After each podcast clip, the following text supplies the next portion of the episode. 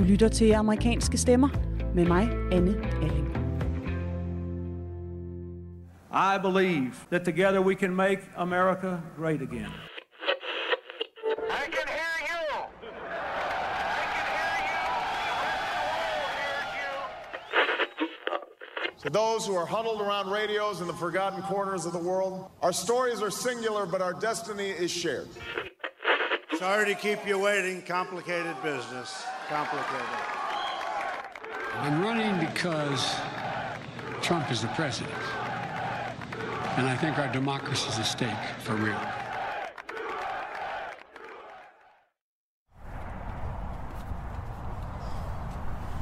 All right, I think that is it for the last bag. Anything else you need? No, I think I'm good. You good? You got it? We covered all the bases. All right. Let's go to Georgia.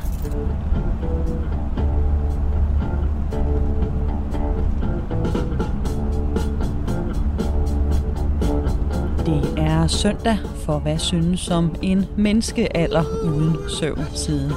Det er dagen før dagen før dagen, to dage inden amerikanerne går til valg.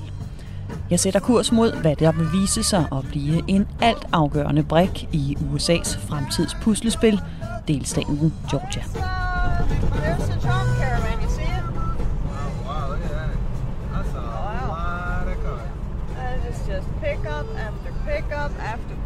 Forbi os på motorvejen gennem sydstaternes efterårslandskab kører karavaner af trucks og pickups med flag og Trump-bannere viftende i vinden. Don't tread on me. Trump 2020. Karavaner, der er arrangeret over hele landet, her hvor dagen vi alle sammen har ventet på, er lige om hjørnet. I mean, they definitely don't. They don't look like anybody who's losing. Oh, they seem very confident. Selvom meningsmålingerne peger den anden vej, og hadet mod præsidenten er enormt blandt store dele af den amerikanske befolkning, så ligner hverken Trump eller hans base nogen, der er klar til at kaste håndklædet i ringen. Uh, so it's saying on the breaking news app now that Trump will declare victory if he has a lead on election night. Mens vi kører, tækker nyhedstelegrammerne ind på min telefon med pejlemærker om, hvad de næste dage vil byde på. Trump vil erklære sejr på valgnatten, hvis han er foran, siger han, også selvom vi alle sammen godt ved, at det i år, ikke mindst på grund af de mange brevstemmer, vil tage dage og tælle færdigt. Det er vist ikke gået nogens øre forbi, at denne uge i USA har været mildest talt hektisk. Og dramaet, det er på ingen måde forbi endnu. Klokken er i talende stund lidt i midnat torsdag aften amerikansk tid, og lige nu der har vi stadig ikke noget valgresultat. Mange ting kan se anderledes ud, når du hører det her om et par timer, men en ting, som der ikke kan rokkes ved, er, hvor historisk denne uge i USA har været. I dag kan du komme med på min rejse gennem valgugen. Fra Trump-rallies til Obama-besøg, høre fra bikergrupper, der er klar til at slå igen, hvis optøjerne bryder ud, og fra frivillige ved valgstederne, der kæmper for demokratiet.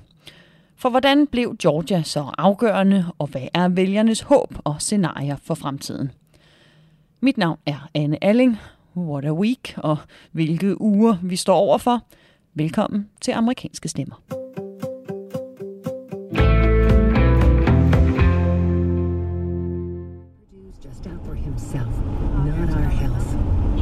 John Ossoff. Paid for by John Ossoff. Yeah. Oh, here comes the line, of course. So it's uh, half a mile and then to the left up here. Mens kampagnespotsene for Georgias kandidater til kongressen kører i radioen, og solen er ved at gå ned over sydstaten, kører vi ind i den lille by Rome ude på landet, hvor Trump i sidste øjeblik, med altså bare to dage til valget, har annonceret sin ankomst til en af sine berømte rallies. Yeah is a lot of cars. I don't know how we're gonna even get close. Wow. Vejene er proppet med biler, både i køer på vejen og parkeret alle vegne og nærmest i bunker oven i hinanden. Vi kaster vores truck ind i en forhave til et boligkompleks sammen med en masse andre store biler. Her tager man ikke parkeringsregler så tungt. Yeah, this is.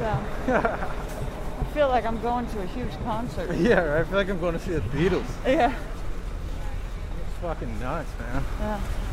And this is uh, this is the guy they say who's losing. Yeah, it's insane.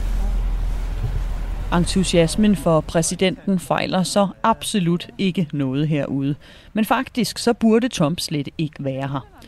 Georgia er nemlig traditionelt en rød stat. Det er 38 år siden en demokratisk præsidentkandidat tog sejren hernede.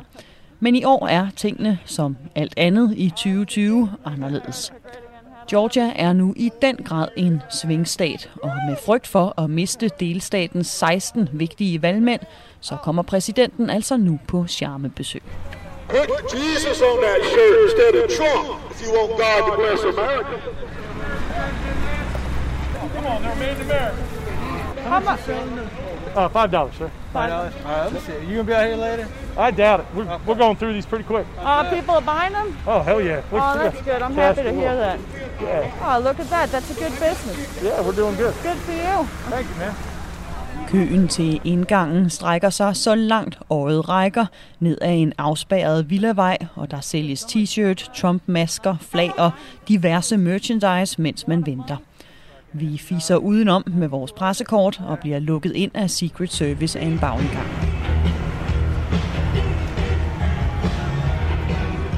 Så er vi inde efter check med Secret Service. Og det her, det er altså ligesom, fuldstændig ligesom at være til festival. Her er pølsevogne og pizzaboder og kageboder. Her kan man få, er der madvogne alle vejen, lange køer og virkelig mange mennesker.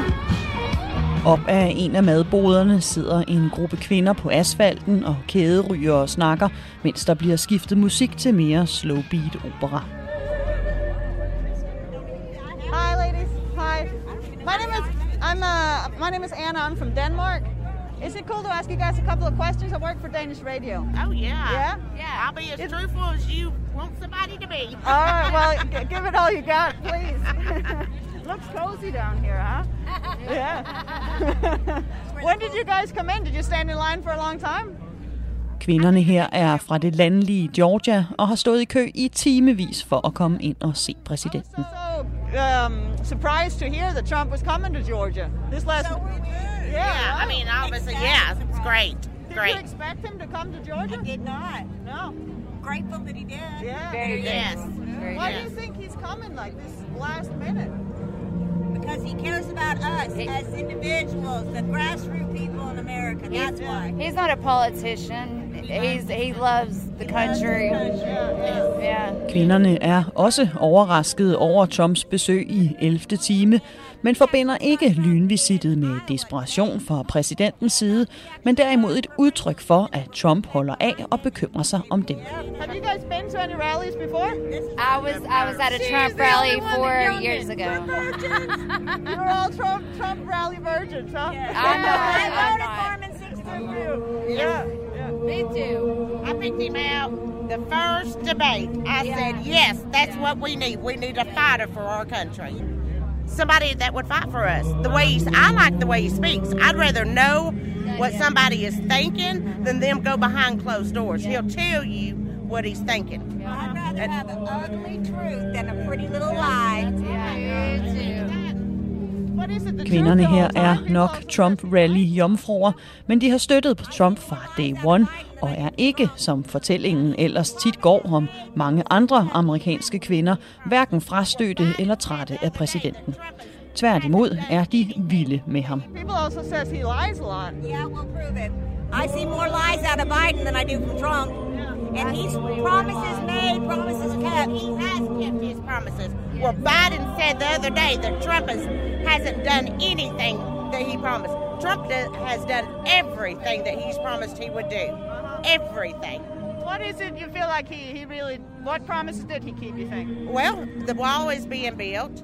He's went after China uh, on trade. He uh, got rid of NAFTA. He's done the USMCA. Um, Modargumenter om, at Trump selv er noget af en løgnens mester, virker ikke her hos kvinderne. Trump har holdt sine løfter, og det er det, der tæller. I modsætning til karrierepolitikeren Biden, der i kvindernes øjne ikke har gjort en fløjt for amerikanerne. As far as Biden goes, Biden is hiding in the count in the, hoping that it, that he becomes president. He's not doing anything for us or with us or to us. He is deceived us for 47 years. How many billions of dollars has he stole from other countries that we don't even know about yet? Not counting China, Ukraine, and Russia.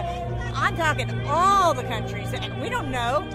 But it will be found Og når out. det kommer til Trumps beskidte mund, når han for eksempel siger grab them by the pussy om kvinder, er argumentet også, at Biden er meget værre. What about like the way people talk about like the way he talks about women? You know, he's saying, grab him by the pussy. I talked worse about him. I mean, that is like locker room talk, but look at pedophile Biden. The way called Biden. us ugly. Biden called us chumps. Hillary called us deplorables. She said the rest of the United States was uh, in, what? Uh, living in their that's right, living in their parents' basements. The only thing I've ever heard Trump say about Americans is when they're out there rioting and looting and burning down that they're thugs, and they are thugs. Biden er pædofil, siger kvinder er grimme, og Hillary kaldte dem også for skældsord. De eneste, som Trump i deres øjne langer ud efter, er de voldelige demonstranter. En kritik, der har bragt Trump stor støtte i modsætning til Bidens opbakning, der i kvindernes øjne overhovedet ikke kan måle sig med Trumps. That it was stolen from him because I do not believe, do not see Biden getting any kind of support like this. Nothing like this. This is all. If you look all across the country, there's Trump parades. There are boat parades every week. Kvinderne ser båd- og bilparader for Trump hver eneste uge.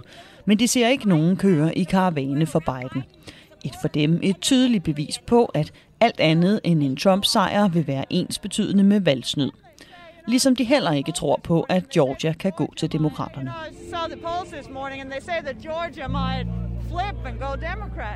No, I don't see it at all. Not not this turn up tonight. There's 20, 30,000 people. I live in Georgia, so I drive around and I see Trump signs. You might see a Biden sign here and Biden sign there. And also, like the, I think when they say that Georgia might flip is to a great extent because of Atlanta, right? That Atlanta is getting so big that they might be big enough to have it flip Democrat. Fulton and DeKalb will be Democrat. Everybody else will be red. We ain't gonna get it from just Atlanta. De politiske skillelinjer går i høj grad mellem land og by i Georgia, hvor landet typisk stemmer republikansk og byerne demokratisk. Ikke mindst i hovedstaden Atlanta, der er vokset hæftigt i størrelse de seneste år, ifølge kvinderne her dog ikke nok til, at Biden kan vinde. Men selvom de lyder skråsikre, så er kvinderne også nervøse, fortæller den ene af dem, Casey, mig efter der er blevet sunget nationalsang.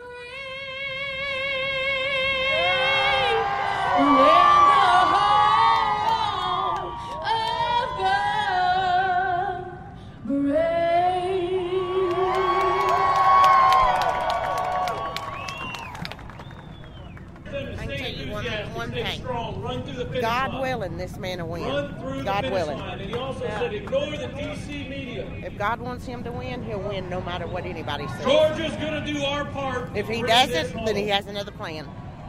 Show up on Tuesday, hunker down, and get it done. I'm, I'm scared. Look, I, I am scared for our future. I'm scared that the the Democrats, the left, won't listen to just regular people like me. Just common sense that don't want the hate and that's all I see from them is hate. Because the media back there makes it any easier for us. Affect like you know, regular your daily life. You know, if it's like- My everyday li- life, I'm worried about the economy. He'll shut us down. He'll close us down. How are we going to pay our bills? How are we going to eat? Hvis Gud ved det, vil Trump vinde, og ellers må der være en anden plan hos de højere magter for præsidenten, mener Casey. Men hun er også bange for en Biden-sejr. Bange for, at venstrefløjen ikke vil se og respektere sådan en som hende i den lavere hvide middelklasse, og at Biden vil låse landet i en coronanedlukning, så Casey ikke længere har råd til at leve. And then what if it turns into a depression? I don't think there's anybody in the United States or even in the world today would know how to survive something like that. We have grown up with luxuries of food, of electricity, of clothing. Not many people that are alive today live through that. Amerikanerne har været vant til luksus i årtier, eller i hvert fald til at have mere til rådighed end de generationer, der levede under den sidste depression. Og Casey tror ikke, at amerikanerne er udrustet til at gå igennem endnu en. I haven't slept in two days, so I guess tonight will be my third night. Just anxious and worried and ready for it to be done, you know. So we can figure out what to do next. That's yeah, I don't like that. We we should have known uh, no Tuesday or Wednesday morning, no later. That that's wrong. In Georgia, you could have voted three weeks ago. You could have voted by absentee ballot. You could have went down there and voted. You can vote the day of. You've had plenty of time to vote. Plenty of. I voted already. I voted last Monday. It took me 10 Casey har ikke sovet i dagevis af bare nervøsitet over, hvad der kommer til at ske. Og hun vil ikke vente længere end til aller senest onsdag. I hendes øjne er det forkert, at det skal tage mere end en dag at tælle stemmerne, især når amerikanerne har haft ugers mulighed for at stemme tidligt. Nu kommer uh, Air Force One stille og roligt rullende ned ad landingsbanen her uh, bag scenen. Klokken er lige ved at være 9 om aftenen, og der er bare blevet koldt herude i nærmest midten af ingenting i Georgia. Og her er, I don't know, jeg vil skyde på 40.000 mennesker eller sådan noget. Her ruller den Air Force One. Lige forbi bag scenen. Der bliver aldrig sparet på konfetti og lydeffekter, når Trump holder rallies. Han bliver iscenesat som en rockstjerne, og når han endelig træder på scenen, lyder vælgerne også som rockstar-fans.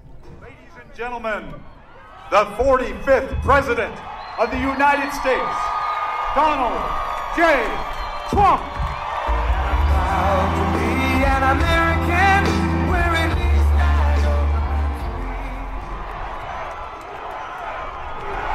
Thank you very much. Hello, Georgia. Hello.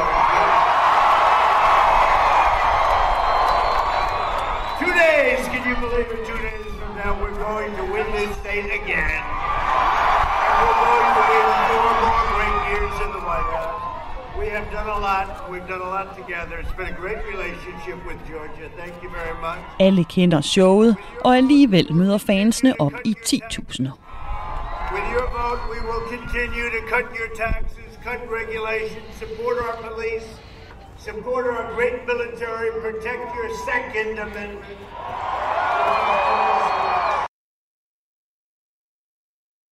Det er bidende koldt på den åbne udendørs lufthavnsplads, men alligevel bliver alle stående til sidste ord af den halvanden time lange tale. Det er en form for support til en statsleder, som vi ikke er vant til i Danmark, men som ikke er helt ny i USA. En times kørsel fra lufthavnen i hovedstaden Atlanta bliver jeg dagen efter mindet om, hvornår vi sidst oplevede denne slags forgudelse af en amerikansk præsident. Ved Georgias statsuniversitet i midten af Atlanta er gaderne spærret af og proppet med Secret Service dagen før valget. Demokraten over dem alle er nemlig kommet for at peppe byen op til at stemme blot. Selveste præsident Obama. He's yeah. So if you look, he's like behind. Look, follow my finger. Look. Uh huh. Okay, look right between those two trees right there. Oh yeah, there he is. Yeah. I modsætning til Trumps proppede event, er Obamas tale, som han giver fra en udendørs scene, derimod fuldstændig lukket land og giver kun adgang til få nøje udvalgte medier og tilskuere. Fansene er derfor i stedet mødt op uden for den afspærrede scene og skiftevis kravler rundt på jorden og står på tåspidser for at se under og hen over hegnet.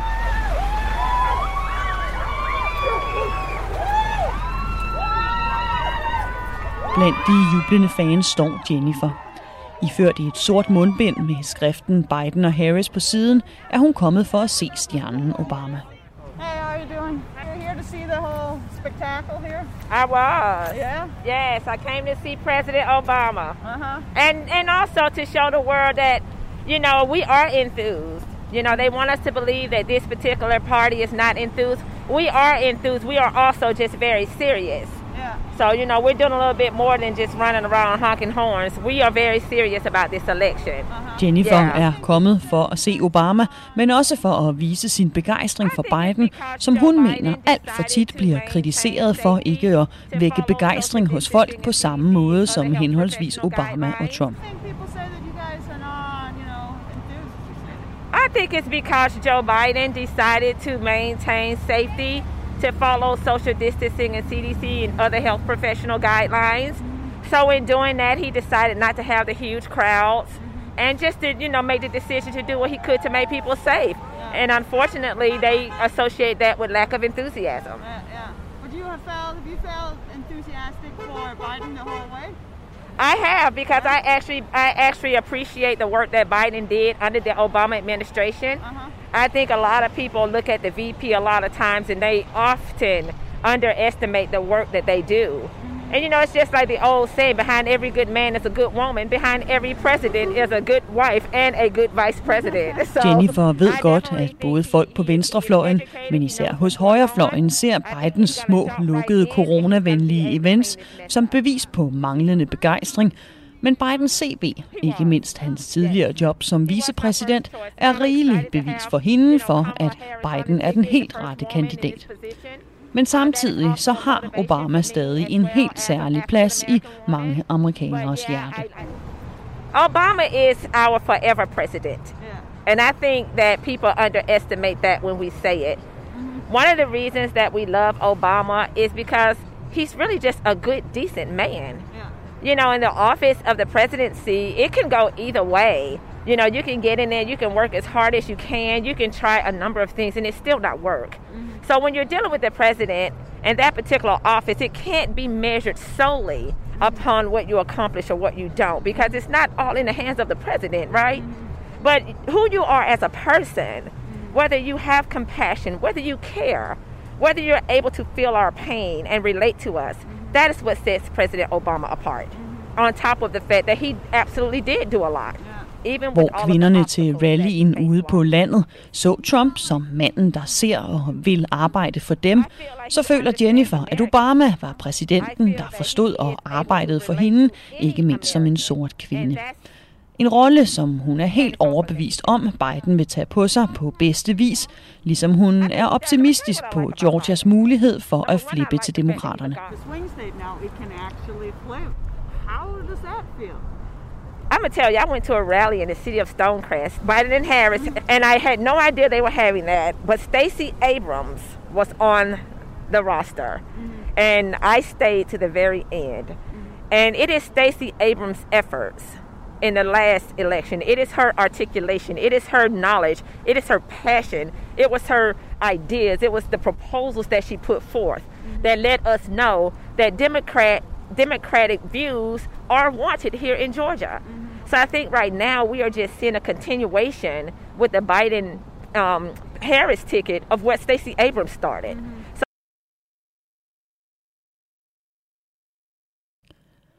Jennifer giver en del af kreditten for demokraternes styrke i Georgia til den afroamerikanske Stacey Abrams, der i 2018 stillede op til valget om at blive Georgias første sorte kvindelige guvernør.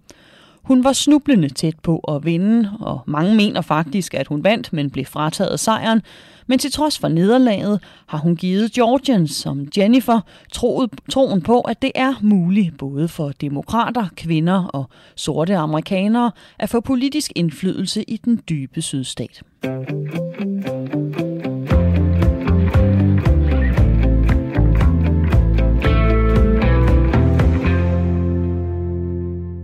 Du lytter til amerikanske stemmer, hvor vi i denne uge er i den afgørende svingstat Georgia.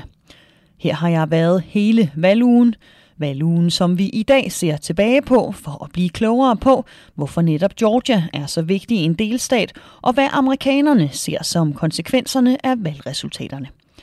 Resultater, som vi altså stadig går og venter på, i hvert fald i talende stund, mens jeg sidder og laver det her program færdigt til jer. Her er klokken nu halv tolv torsdag aften amerikansk tid. Efter at have været til Trump-rally på landet og Obama-fest i storbyen Atlanta, så skal vi nu videre til valgdagen for både at møde nogle af dem, der er på stemmesedlen, og dem, der hjælper til for, at demokratiet kan gå sin gang. Use the right lane to keep right to merge onto I-20.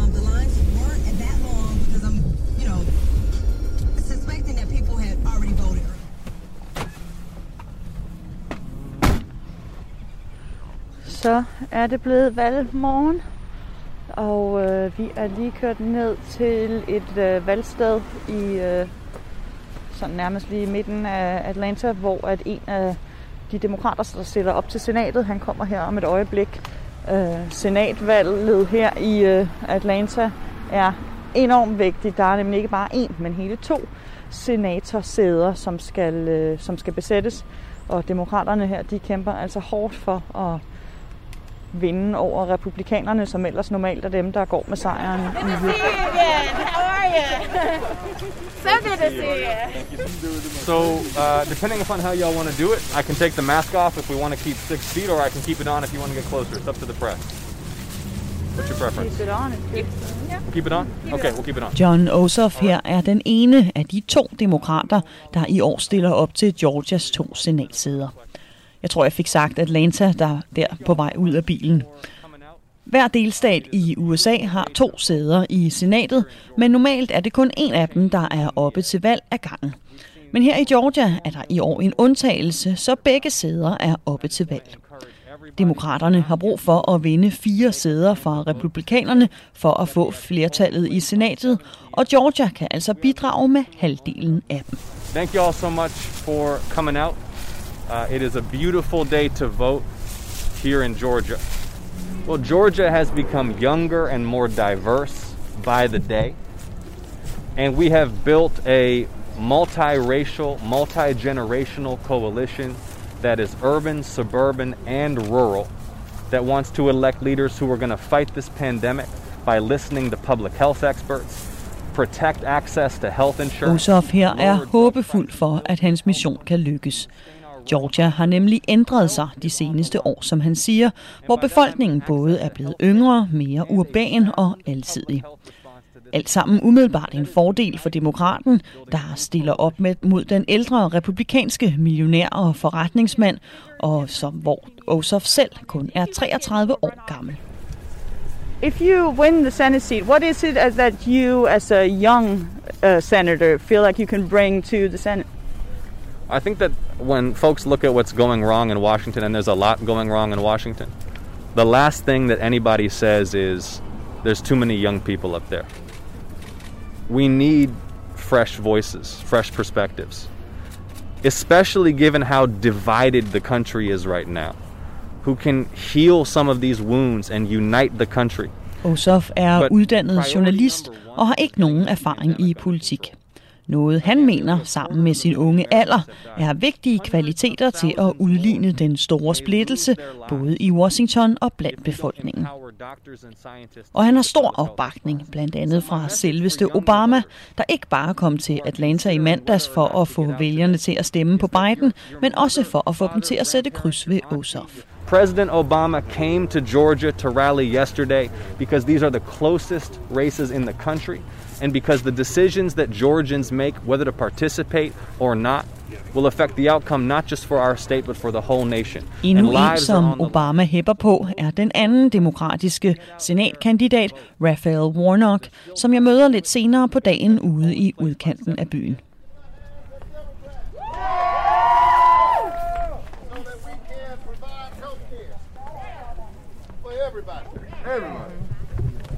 Lige nu ligger Ossoff 3% bag sin republikanske konkurrent, men der er en særlig regel i Georgia, hvor man skal have mere end 50% af stemmerne for ikke at skulle ud i genvalg.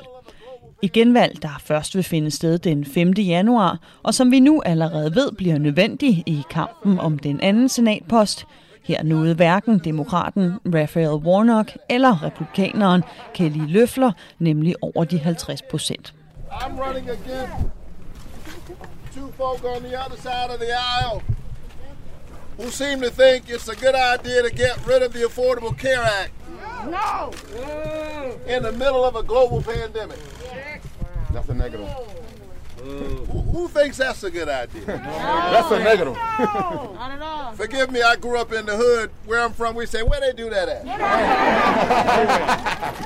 Raphael Warnock fokuserer ligesom Ossoff, Biden og demokratiske politikere generelt enormt meget på coronaepidemien i sin politiske dagsorden. Og så kommer også Warnock med en anderledes ikke-politisk baggrund.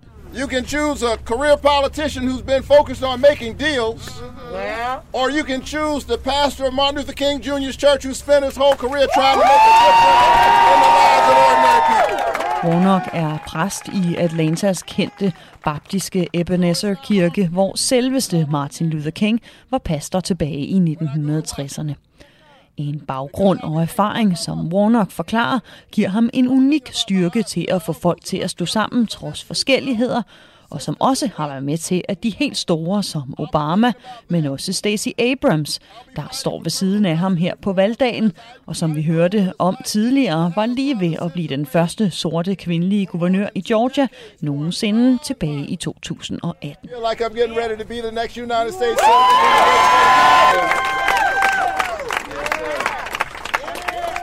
And the fact that that's about to happen. The fact that I'm standing here and Stacy's standing here. And Peter's standing here. With all of this diversity. This is America. This, this is the American promise, and it's alive and well. It's just slipping away from too many people. At Warnock, Stacey Abrams, Ossoff og Biden er så tæt på at vinde Georgia, er alt sammen tegn på forandring i sydstaten og USA generelt. So I, I know it's been a long, dark night.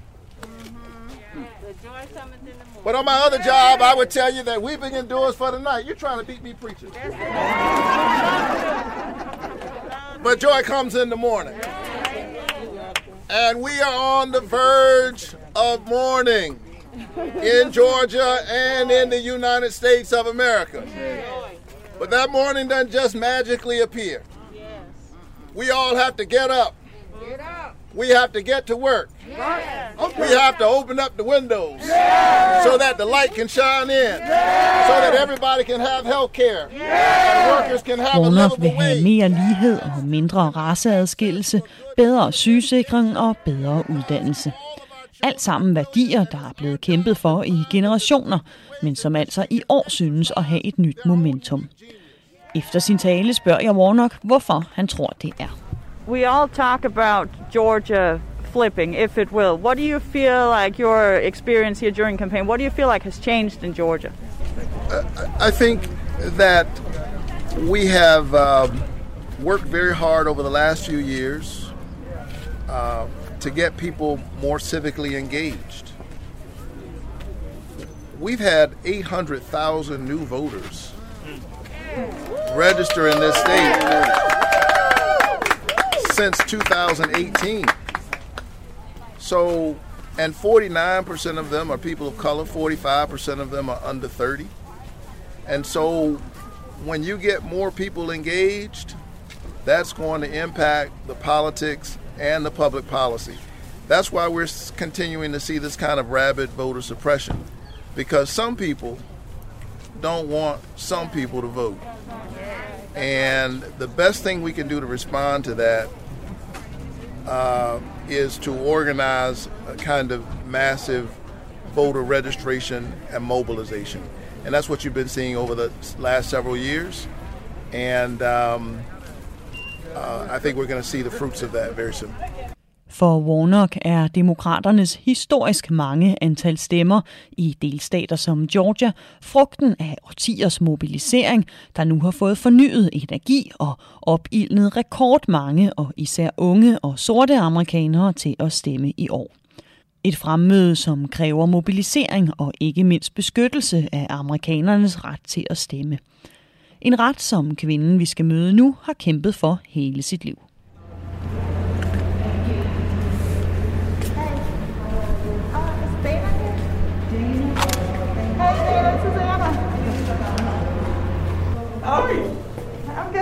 You doing? Good. Working? Yeah. But it's quite, it's slow. It is, right? Yeah, yeah. Dana Lemon er her på valgdagen frivillig på et valgsted ude i en forstad til Atlanta. Georgia har i løbet af de seneste år haft en række problemer med vælgerundertrykkelse, hvor valgsteder er blevet lukket uden forklaring, stemmemaskiner er gået i stykker, og især sorte vælgere er blevet afvist ved stemmeboksen, fordi de efter sine ikke havde de rigtige identifikationspapirer. How did you come you decided to be a worker?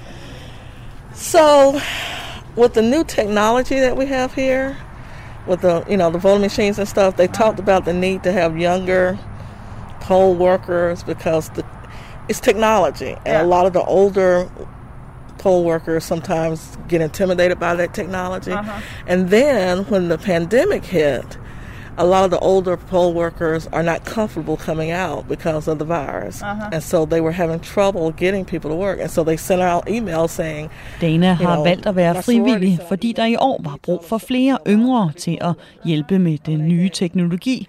Dana er 47 år, og normalt er gennemsnitsalderen for frivillige ved valgsteder over 60. Og for også så at beskytte de ældre mod corona. Og så ligger det i Danas blod at bidrage til demokratiet. What's it your, your dad did, you said? was, So he started, well, of course, we're funeral directors. We're only come to funeral home. He started an organization called the Voters League of Henry County. Okay. And their pro- they had two primary focuses getting folks registered and then getting people to the polls. Uh-huh. And so every year for the primaries as well as the general elections, um, they would go around to, and their primary focus was the churches. Uh-huh. And so they would go around to all the local churches and make sure people were registered to vote. They take those voter registration forms, they would collect them, they would turn them in. Danas far var både bedemand og en del af borgerrettighedsbevægelsen, og startede derigennem et projekt, hvor han hjalp folk med at komme ud og stemme ved at give dem et lift til stemmesederne. Noget, der var enormt behov for dengang, hvor langt fra alle havde bil, og der kun var få stemmesteder med langt imellem. Og så snart Dana fik sit kørekort, blev hun også en del af projektet. 70s and, even the early 80s because I started helping when I was in high school when I started my driver's license. Dad'd be like, "Baby, go pick up." He called me baby. baby, go pick up. You know, Miss So and So, Uh-huh. and um, that's what we did. We did it as a family. And he introduced you to democracy in that way, right? He was very, very much. Our entire family was very much committed to participating in the process, Yeah. both from a voter perspective as well as a service p- perspective. We were, my mom used to say, you know, you're born to serve. You find your place to serve. Uh-huh. It's not an option of whether or not you're going to serve. You just find your place, Yeah. how you want to serve. For And so Dana we, er det like, ikke et spørgsmål om, hvorvidt man skal tjene sit land, men hvordan man skal tjene det, som hendes mor altid har sagt til hende, og som hendes far, der er hendes helt store held, viste hende vejen for. Faren, som hun ville ønske, var i live i dag til at opleve den historiske forandring, hun tror på vil ske i Georgia til dette valg. What do you feel like? You feel it can flip It's a Democrat? It's going to flip. Yeah. hmm That would be uh, Huge, some history, huh? very much. Yeah, yeah, Yep, yep. John Lewis would have loved this. yeah. And your dad, right? My dad, my father would have loved this. My father would have loved President Obama. Yeah. That experience. I wish they both could have lived for that. Dana kendte John Lewis borgerrettighedsforkæmperen her fra Georgia og repræsentant i repræsentanternes hus, den anden del af kongressen, der døde i sommer, og som hun sammen med faren lovpriser for deres passion og tro på forandring. En forandring, som hun føler vil sejre i år af flere årsager. And do you think that's what making the difference? Like if if Georgia flips, do you think it's because there's more access now? Like people actually have access to the polls, or do you think it's like a change in mindset It's a, too? it's a change in mindset, and I think it's a change in power, if you will, in the sense of people finally realizing I have the power to affect the change I want to see in my community. And this is one way that I can do that. Yeah, yeah. You know, uh, sometimes people don't think that they can be um, change agents, if you will. Um, I think that with President Obama, a lot of people realize, yeah, you can, you really can, because we couldn't have done this if all of us weren't willing to see some change. Uh-huh. Yeah. And then with the last four years, seeing the opposite of that, Yeah. people are saying no more. I, I still have the power. Let me use my power again. Obama gav Dana og millioner af amerikanere en ny tro på forandring. En tro, som vi her i løbet af amerikanske stemmers udsendelse også har hørt mange mistede igen, da de ikke følte, at Obama han holdt sine løfter.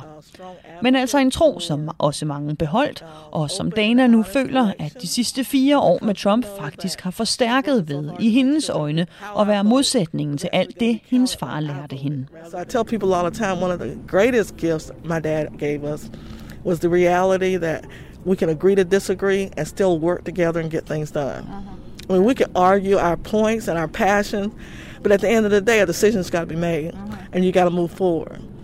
He he raised all. There's seven kids in my family. He raised all seven of us with that uh-huh. understanding because he wasn't going to just shut you down. He was going to listen to you, and then you can you know come to some kind of decision and you can agree or- or disagree. But when he was done with it, he was done with it. Yeah, yeah. Life goes on. You move to the next you know consideration. People who are immature servant leaders don't know how to do that. You've got to agree with them, or else they don't want to talk with you. And we've had an immature servant leader for four years now. Trump er i Danas øjne udtryk for en umoden leder, der bremser forandring ved ikke at kunne lytte til andre og lære at være uenig. Begge to kerneværdier i borgerrettighedsbevægelsen. And I feel like that's the spirit of Georgia, the spirit of Martin Luther King. It is. Listen and then Compromise, yeah. yeah. We and we don't have to be friends to be able to do that. Uh-huh. We can serve on boards together. We can serve in public office together. You know, we can educate our children together and still have differences of, you know, theology and philosophy, but Evnen til at gå på kompromis er i fare under Trump og blandt mange amerikanske politikere i det hele taget, føler Dana. Ligesom hun mener, der er behov for politikere, som er mere i kontakt med deres vælgere end deres politikerkontor. I think that one of our biggest challenges over the last many, many years, 10, 15 years, has been that once people get elected to office, they forget who sent them there and forget that they have to represent the entire constituency, not uh-huh. just the ones in their same party. Even if you don't necessarily agree with what's going on, you got to at least be willing to talk to them. And there are some, in DC especially, who won't even have conversations with you. Uh-huh. They don't have town hall meetings so that people can come and, t- and share their concerns. You call their offices, and all you get are, I'll take a message, and you never get callbacks. Ønsket om politikeren, der ser vælgeren og bekymrer sig om den almindelige amerikaners liv og problemer, er præcis det samme, som vi hørte fra kvinderne ved Trump-rallyen i starten af udsendelsen. De vil umiddelbart have det samme som Dana og taler om behovet for forsoning, men har altså vidt forskellige opfattelser af, hvordan den, den politiker, der kan lede dem dertil, ser ud. Det er en af de helt essentielle realiteter, som jeg i min dækning af USA gang på gang oplever og ser være med til at holde gang i splittelsen. Splittelse, som alle amerikanere føler lige nu, og ikke mindst i de her hektiske dage omkring valget, og som de mænd, som vi skal møde her til sidst, forsøgte at beskytte amerikanerne fra under valget i tirsdags.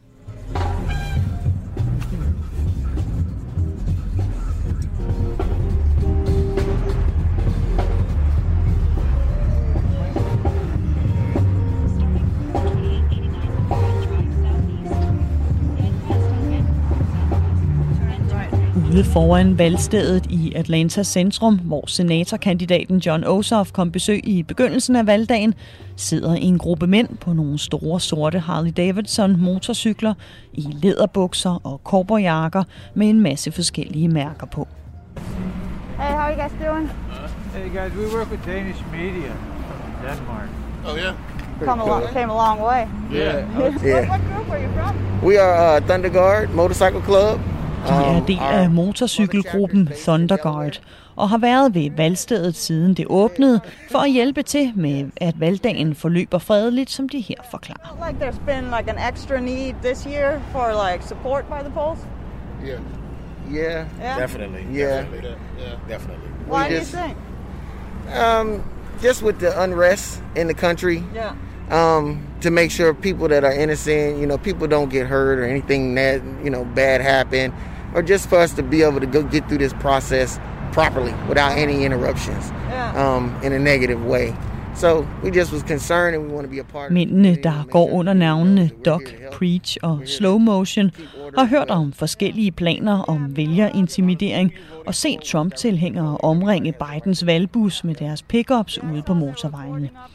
En intimidering, som de ikke vil give lov til, kommer til at ske i deres by. And you see, you know, these people riding around, honking their horns, and you know what happened with the Biden bus on in Texas, all that foolishness. Uh-huh. Not about to do that here. Yeah, yeah. You know, you're not about to do that here. So, I mean, you got to use freedom, you know, feel how you feel, but you're not going to intimidate nobody else to that manner to where it becomes a danger. You know what I'm saying? So, Gruppen har endnu ikke set nogen forsøg på at rode med valgstedet her, hvor der ligesom ved valgstederne generelt er roligt og meget korte køer efter ugers mulighed for at stemme tidligt. Men hvis nogen kommer med de forkerte hensigter, jamen så er Doc, Preach og Slow Motion klar til at beskytte stemmefriheden. This organization does. A lot of times, motorcycle clubs get a bad name because one bad thing happens, and then you know every motorcycle club is bad. And every no, it's not that. We just organized, unified, and uh, on a mission. And um, we like to keep order and peace. And that's you know sometimes we stay to ourselves because we want to not want to be looked at in a negative light. But this wasn't the time for us to sit down and not say anything or do anything. This is important to protect those that can't protect themselves. Grupper som Thunder Guard her bliver tit misforstået som grupper med de forkerte hensigter, mener Doc, hvorfor de også tit holder sig for sig selv. Men ikke denne gang. Denne gang er der simpelthen for meget på spil. Men Thunder Guards mission handler om mere end bare intimidering af valgsteder. As far as I ain't been living that long, but I've never heard a president say, "I'm gonna leave if, if, if, if, if I, if I, if it's proven." I've never heard I'll I leave leave peacefully if it's proven. I've never heard a president say anything like that of our country. It's always been very uh, smooth transitions and diplomatic and, and respectful. I mean, it's like saying if I get fired from my job, I'll decide if I'm a leave or not. You don't work here anymore. I mean, Mændene her har også hørt nyhederne om, hvordan Trump siger, at han kun vil forlade sin post fredeligt, hvis resultatet er rimeligt. En retorik, som de aldrig har hørt eller forventet at skulle høre fra en amerikansk præsident, og som de mener bør være et wake-up call for amerikanerne og minde dem om de værdier, deres land er bygget på. I think the concern of a lot of Americans is can we accept the outcome? Yeah. I mean, that's Will we accept the outcome as Americans? As you know, in our country, will we accept it or not? Win or lose? You know, can we accept losing or can we accept winning? Or how will you accept it? Like, what will your reaction be to it? You know, is uh, Yeah. oh well. That is You the most it's- important. It's, Oh, it's well. the Yeah. biggest thing right now. Yeah. Right. Obviously, you know, it's like, yeah. You know, what will the you know the side that supports Trump and the side, you know. See, shit, when, man. when when our president How already said, behave, you know? when he's already said that if he loses, that he's not gonna accept it. He said it. He said, "I'm not gonna." He's not gonna accept it.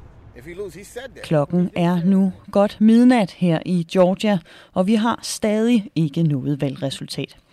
Men spørgsmålet er ikke bare, hvad resultatet bliver, men også om amerikanerne kan acceptere det, når det kommer, og hvordan de vil acceptere det. Som optællingerne ser ud lige nu, er Biden under 2.000 stemmer fra at tage føringen her i Georgia, som kan være de afgørende krydser, der vil give ham sejren og gøre ham til den første demokratiske præsidentkandidat til at vinde Georgia i 38 år. Jeg ved ikke, hvordan at jeg skal kunne sove. Som det snart er traditionen i USA i disse tider, så er den nære fremtid virkelig uforudsigelig, og som det også synes at blive traditionen, så er det eneste, jeg med nogenlunde sikkerhed kan sige, at jeg er tilbage i næste uge med flere amerikanske stemmer. Indtil da, god stemmeoptælling, god weekend og stay safe.